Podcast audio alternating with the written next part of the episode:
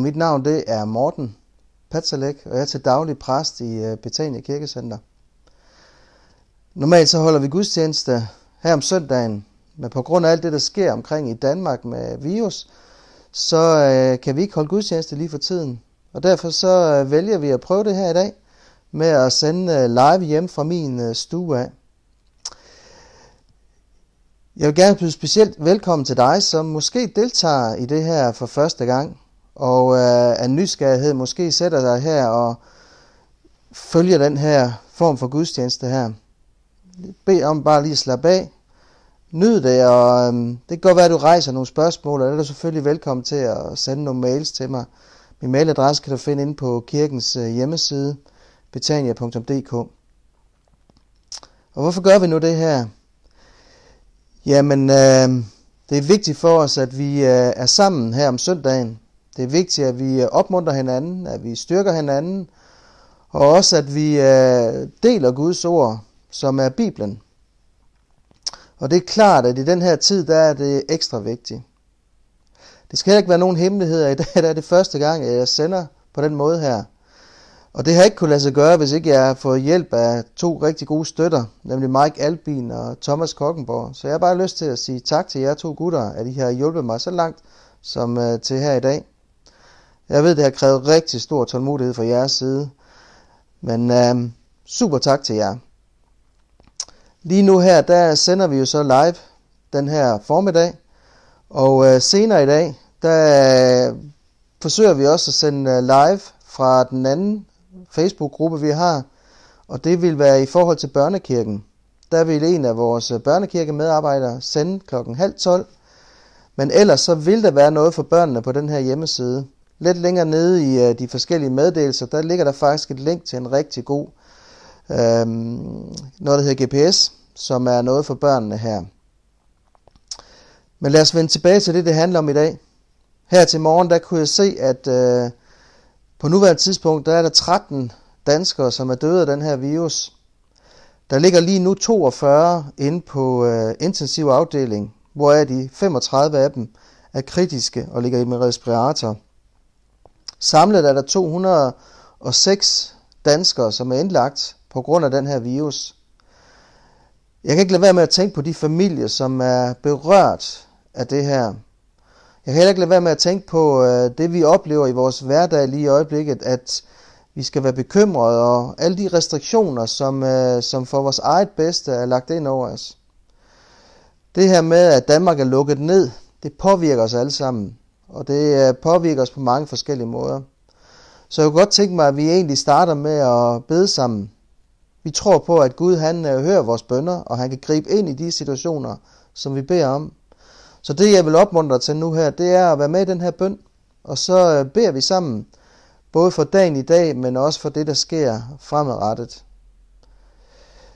Kære Jesus, jeg takker dig, fordi at vi kan altid komme til dig med vores bønder, far.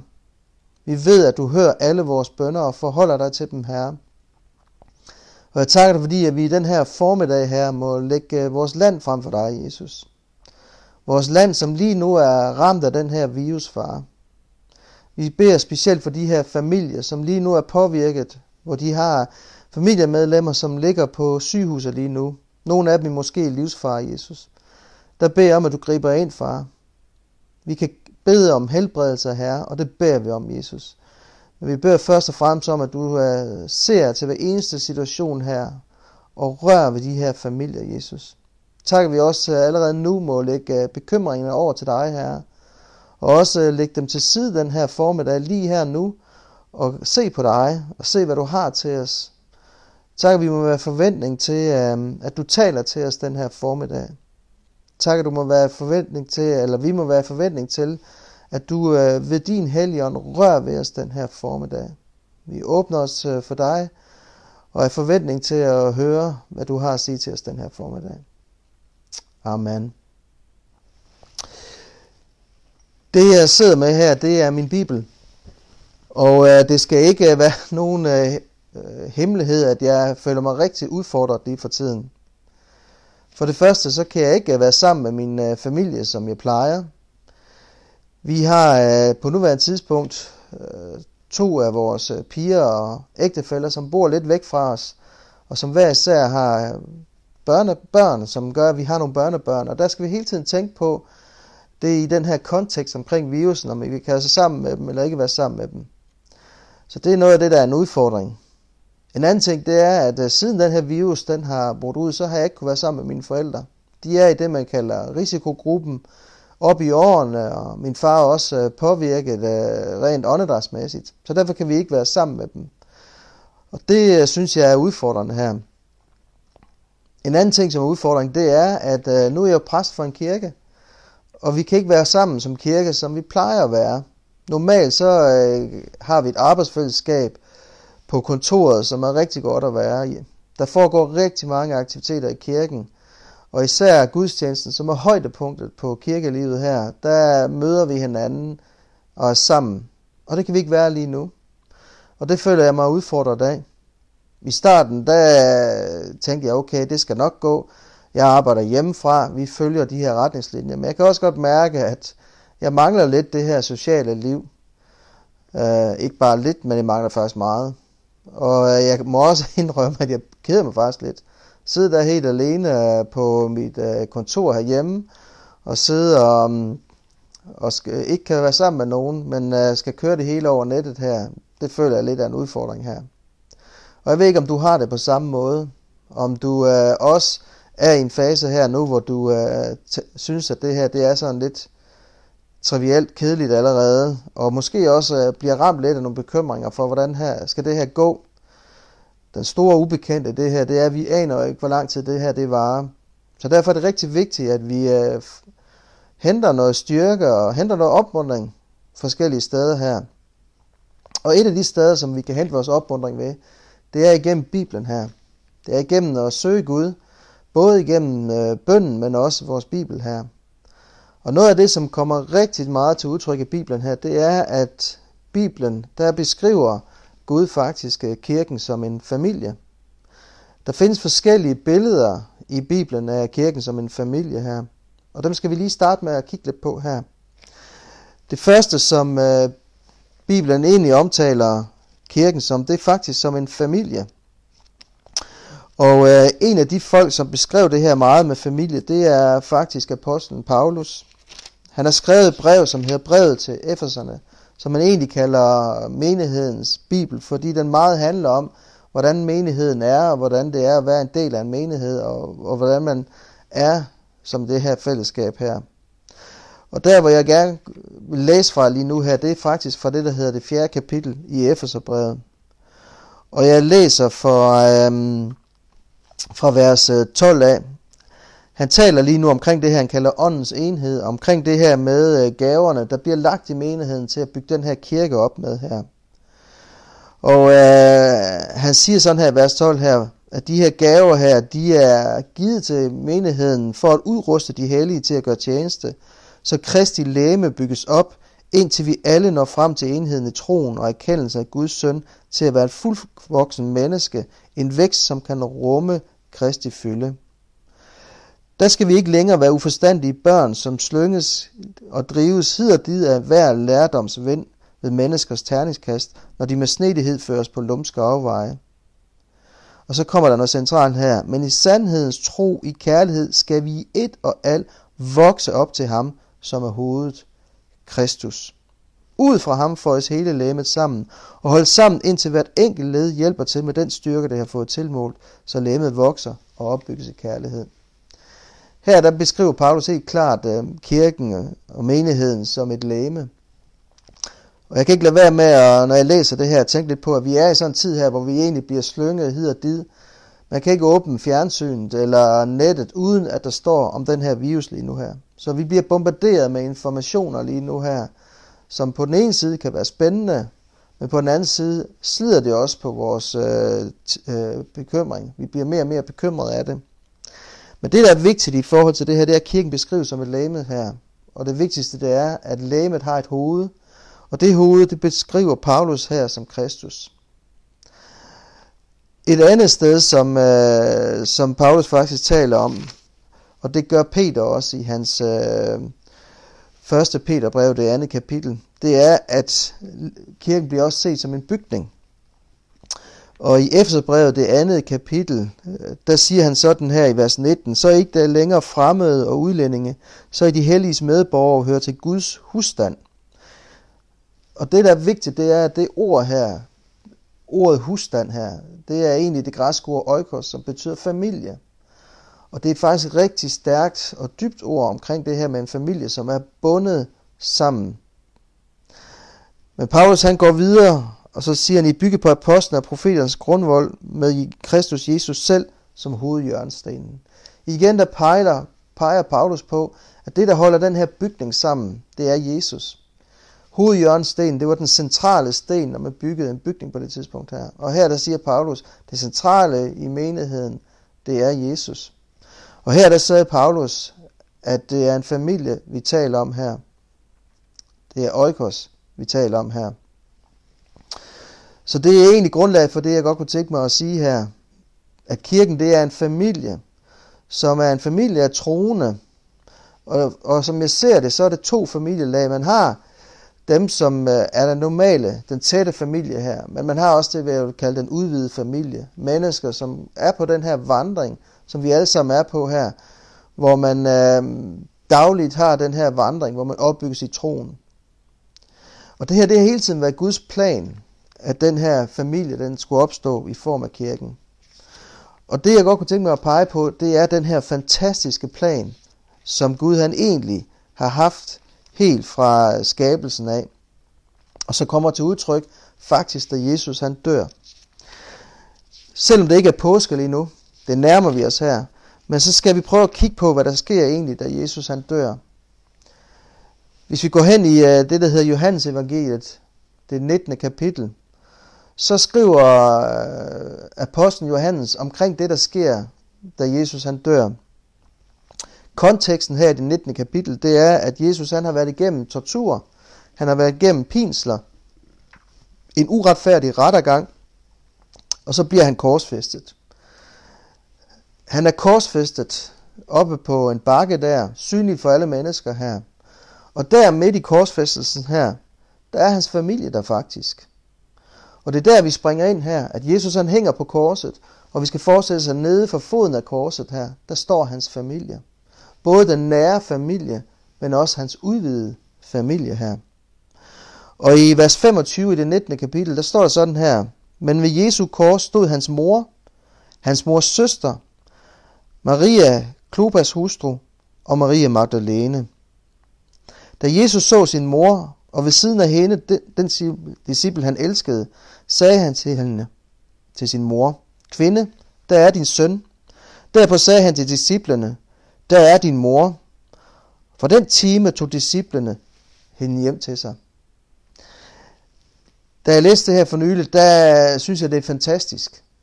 Først og fremmest det her billede på familien her. Men også det her med, at Jesus han hænger der på korset. Og noget af det sidste, han tager sig til her, det er at få tage sig af sin familie. Tage sig af sin mor. På det tidspunkt her, der var enker noget af det øh, laveste stillede samfund her. Fordi hvis ikke de havde en mand eller en søn, der tog sig af dem, jamen så havde de ikke noget socialt netværk. Og her, der ordner Jesus det. Han, han får styr på familien. Han uh, sætter en af sine disciple til at tage sig af hans mor. Den disciple, som endda øh, frimodigt kalder sig selv den disciple, som Jesus han elskede. Og det er sjovt at læse det, fordi at Jesus han elsker dybest set alle sine disciple. Men alligevel så har Johannes brug for en gang imellem at understrege det her, at han var den disciple, som Jesus han elskede. Hvis vi siger videre i vers 28, så står det her, derefter da Jesus vidste, at alt nu var fuldbragt, og for at skriften skulle opfyldes, sagde han, jeg tørster. Så nu hænger der Jesus der med en bevidsthed om, at nu er det sidste på plads. Han øh, er kommet igennem en voldsom lidelse her, voldsom sur, og nu er der styr på hans familie. Der er styr på hans mor. Og her, der kan han give sig hen til det sidste, nemlig der, hvor han hænger og opgiver ånden og siger, at det er fuldbragt. Jesus han dør på korset der, og han øh, bliver lagt i en grav og bliver begravet der.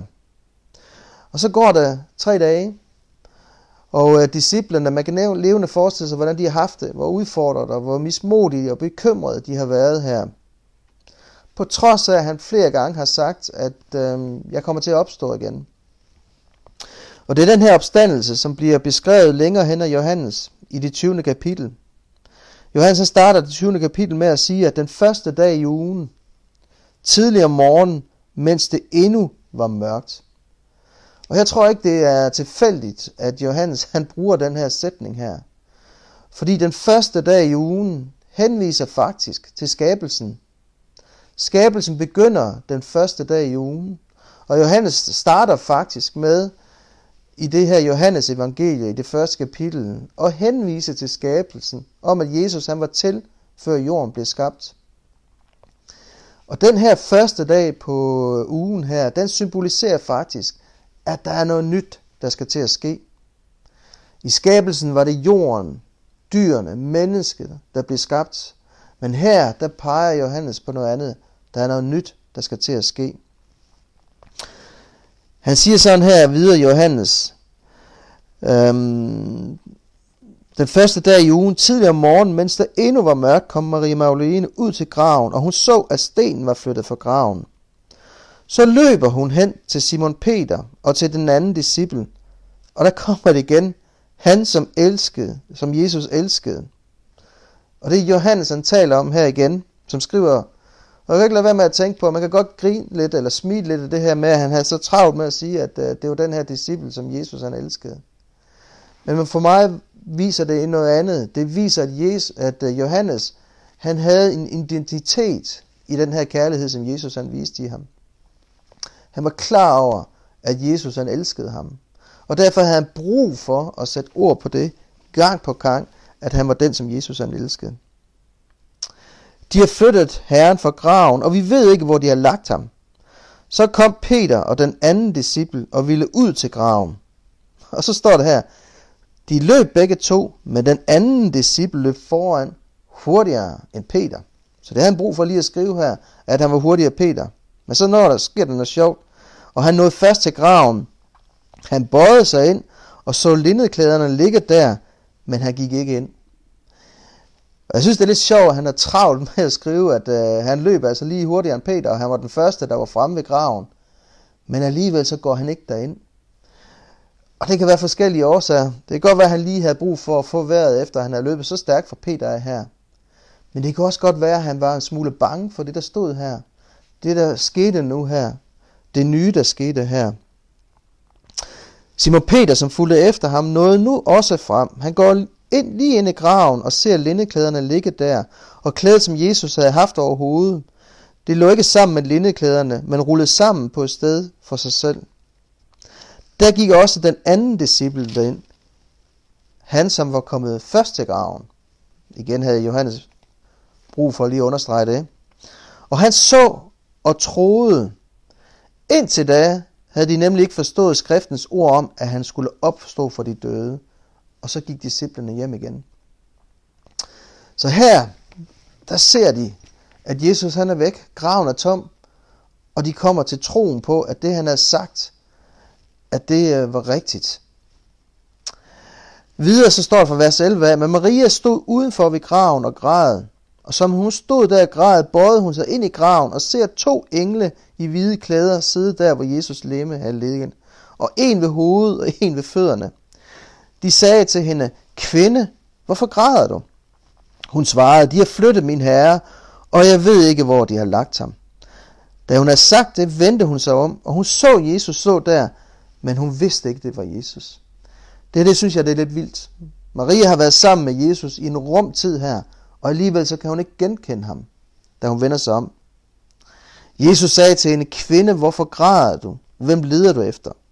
Hun mente, at det var havemanden og sagde til ham, herre, hvis det er dig, der har båret ham bort, så sig til mig, hvor du har lagt ham, så jeg kan hente ham.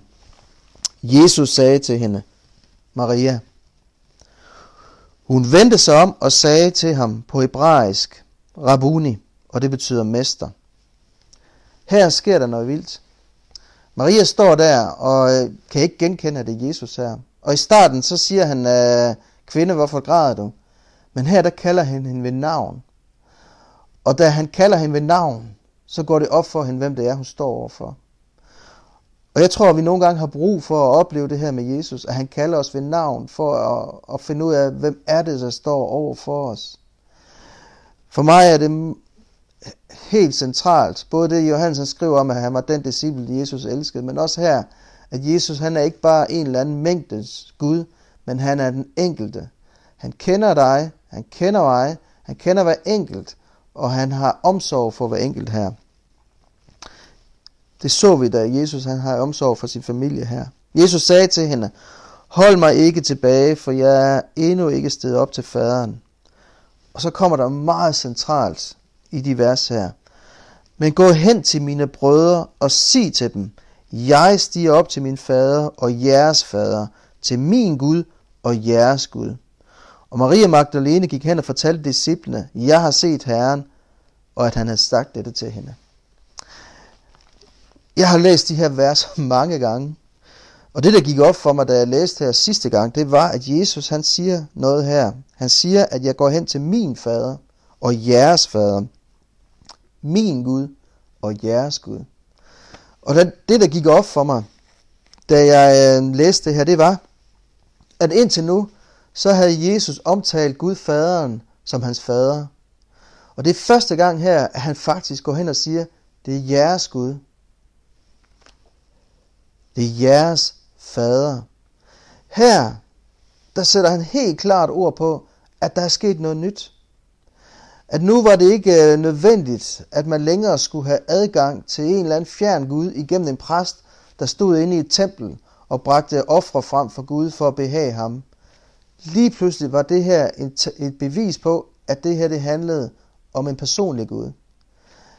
At det, der sker ved Jesus død og ved Jesus opstandelse, så har man lige pludselig direkte adgang til Gud. Lige pludselig kan han blive min far, min Gud. Og det siger Jesus her. Og det gik op for mig her, at, at indtil nu så havde Jesus kaldt sine disciple venner. Han havde kaldt dem tjenere. Men her der kalder han dem lige pludselig brødre. Og, og, og det slog mig lige pludselig, ej hvor er det vildt, at lige pludselig så kalder Jesus sin disciple for sin bror, fordi de er i familie over for Gud faderen. Og jeg ved ikke, de mennesker du omgiver dig med, nogle af dem, dem kalder du måske venner, nogle af dem er måske tjenere for dig, så sådan ser du. Men der er også familien. Og tænk lidt over, om der ikke er en forskel imellem det her. Forskel imellem, om det er venner, tjenere eller en familie, du er sammen med her. Tom Wright, som er bibellærer, han siger sådan her, der er sket noget vildt med Guds forhold imellem verden og imellem Gud og de troende. Og det er det her, der er det centrale her, det er, at lige pludselig sker der noget vildt her. Den her, nu skulle man leve op til noget, den bliver pludselig ændret til, at vi er en familie her. Og jeg ved ikke, om du har nogensinde tænkt over, hvem der egentlig så Jesus først, da han var opstået. Hvis vi spørger Paulus, og det beskriver han i det øh, første Korintherbrevet i den 15. kapitel, der beskriver han helt klart, hvem han øh, har bud på, hvem der så Jesus først.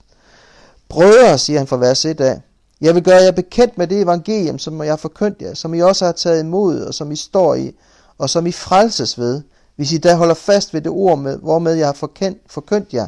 Ellers var det til intet nytte, at I kom til tro. Jeg overleverede jer nemlig først og fremmest, hvad jeg også selv har modtaget, at Kristus døde for vores sønder efter skrifterne, at han blev begravet, og han opstod på den tredje dag efter skrifterne.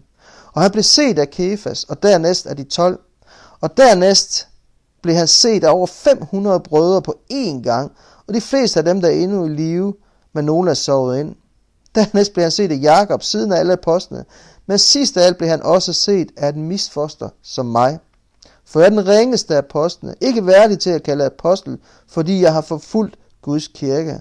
Men af Guds nåde er jeg, hvad jeg er. Og hans nåde imod mig har ikke været forgæves. Jeg har arbejdet med mere end nogen af dem. Øhm, og det vil ikke sige jeg, men Guds nåde, som har været med mig. Men hvad enten det nu er mig eller de andre, sådan prædiker vi, og sådan kommer til tro. Paulus han siger, at det var Peter her, der så Jesus først. Men hvis vi går længere ned og kigger lidt på det her, så siger Johannes, at det var Maria i det 20. kapitel, vers 14, der så Jesus først. Hvis vi går hen og læser Lukas evangeliet i det øh,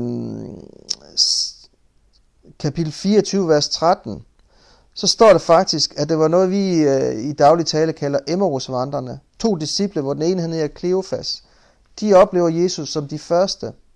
Og derefter, det står der i vers 33, så fandt de de 11. I Matthæus, så står der, at det var Maria Magdalene. Det kan vi se i kapitel 28. I Markus evangeliet i kapitel 16, der kan vi se, at det også beskriver han, at det var Maria Magdalene. Og han tager den her øh, sidebemærkning på, at hun var den, som Jesus havde drevet dæmoner ud af. Pointen i det her, det er ikke, tager Bibelen fejl, eller hvad sker der lige her? Men pointen, den er vigtig, det er, at Jesus han var opstanden. At der var flere mennesker, som så ham.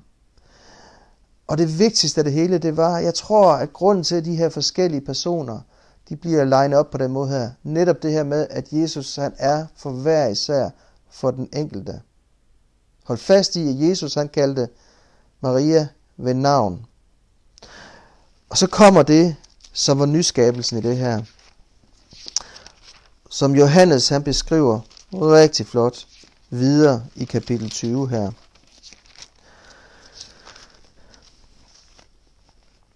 Og jeg læser fra vers 19 af. Om aftenen den samme dag, den første dag i ugen, mens disciplene holdt sig inde bag lukkede døre af frygt for jøderne, kom Jesus og stod midt i blandt dem og sagde til dem, Fred vær med jer. Lad os lige holde fast i den her sætning her. Vi lever i en tid, hvor vi har brug for at høre den her sætning. Fred vær med jer. Vi kan blive fanget af alle de her bekymringer. Vi bliver fanget af alle de her ting, der sker omkring os. Men vi har brug for at høre det her ord fra vores far, fred være med jer. Så siger han videre Johannes, da Jesus havde sagt det, viste han dem sine hænder og sin side. Disciplene blev glade, da de så Herren. Og Jesus sagde igen til dem, fred være med jer. Som faderen har udsendt mig, sender jeg også jer. Og da han havde sagt det, blæste han ånde i dem og sagde, modtag heligånden. Forlader I nogen deres sønner, er de dem forladt, og nægter I at forlade nogen deres sønner, er de ikke forladt. Der står, at han blæste på dem. Og det ord, der bliver brugt her, det er faktisk det samme ord både på hebraisk og på græsk. Hebraisk er det, som det gamle testamente er skrevet i, og det græske er det, som det nye testamente er skrevet på. Og det ord her, det betyder både vind og ånd. Ruach hedder det helt nøjagtigt. I 1. Mosebog, det andet kapitel, vers 7, der kan vi se, at ved skabelsen, der blæste Gud Ruach, det betyder liv, ind i mennesket. Og han gjorde det for, at mennesket kunne leve det her nye liv. Og det han gjorde den ved skabelsen, det var, at han inviterede dem ind i sin familie. Og det samme gør Jesus her til disciplerne. Man kan sige, at han var allerede familien her. Men han understreger det tygt, at han blæste Helligånden ind i dem, og de blev en del af hans familie. Tom Wright, som er den her bibellærer, han siger sådan her, at Jesus blæser sit nye liv, Helligånden, ind i dine disciple, og gør dem til nye mennesker, der kan formidle hans liv til verden. Det her, det har en dobbeltsidighed. Den ene, det er, at du kan opleve, at Gud han blæser sit liv ind i dig. Den anden side, det er, at når du har oplevet det, så er der forventning fra Guds side til, at du deler det med mennesker omkring dig. Pointen med opstandelsen, det var genoprettelse. Pointen med alt det, Jesus han levede igennem i påsken, det var genoprettelse. Genoprettelse i forholdet mellem Gud og mennesker. Og det kan du få del i her i dag, hvis du ikke har oplevet det endnu. Jeg vil også minde os, der har levet med Jesus i en del år, at det er det her, det handler om. At vi kan få lov til at opleve, at der kommer liv i vores liv. At vi kan opleve, at selvom vi hører om død omkring os lige nu her, så er der en Gud, som ønsker at sige fred, vær med jer. og som ønsker at blæse sit liv ind og skabe noget nyt, uanset hvad vi oplever i vores liv. Jeg har lyst til at bede nu her to bønder. Først så vil jeg bede for dig, som endnu ikke har oplevet det her i dit liv, at du den her eftermiddag inde hos dig selv kan sige, jamen jeg vil det her. Jeg vil opleve dig, Jesus, som liv i mit liv. Jeg vil også bede øh, for alle os, som er bekymret, at vi må opleve det her ord, fred være med jer, bliver til virkelighed for os. Jeg har også lyst til at, specielt at bede for dig, som er syg. Gud, han kan virke ved håndspålæggelse, men han kan også virke igennem internettet her. Han er ikke begrænset af de ting her. Så når jeg beder den her bøn for dig, der er syg her, så vil jeg opmuntre dig til at lægge en hånd på det sted, hvor du er syg, eller bare tænk på det her. Og så vil jeg bede om, at Gud han griber ind. Så lad os bede sammen. Jesus, jeg takker dig for det ord, der har lyttet den her formiddag. Tak for, at du har inviteret os til et fællesskab af dig. Og nu beder jeg specielt for øh, de, som beder den her bøn for første gang. At de må opleve, at de nu øh, starter et fællesskab med dig, Jesus. At de oplever også, at, øh, at du bliver en virkelighed i deres liv. Og jeg beder om, at vi alle sammen må opleve, at det her ord, fred være med jer, det bliver til virkelighed for os, Jesus. Jeg beder om, at du ved din hellige ånd, lad freden sænke sig over os lige nu her. På trods af alt det, vi skal bekymre os for, og kan bekymre os om, så beder jeg om, at den her fred, den må sænke sig. Og så beder jeg for alle, som er syge lige nu, og som ser med her. Jeg beder om, at du griber ind nu med din lænekraft, far. At du rører ved hver eneste sygdom, uanset om den er fysisk, eller om den er psykisk, Jesus. Så beder jeg om, at du øh, griber ind nu her og rører. Og så beder jeg om, at vi hver især må være med til at bringe det her budskab til mennesker omkring os. At vi må få lov til at være nogen, som opmuntrer her, på trods af, at vi er begrænset lige nu af det her sociale, at vi ikke kan være sammen her, så kan vi finde andre måder at gøre det på, Jesus. Og der beder jeg om, at du bruger os som redskaber til at gøre det, Jesus. Amen. Hvis du har taget den her beslutning første gang, så vil jeg opmuntre dig til at finde nogen og dele det med her. Og endnu en gang så kan jeg sige til dig, jamen altså hvis du går ind på betania.dk, så vil du kunne øh, finde min uh, e-mail derinde, og så er du velkommen til at sende en mail til mig. Jeg vil gerne uh, i kontakt med dig og høre, hvad du har oplevet her.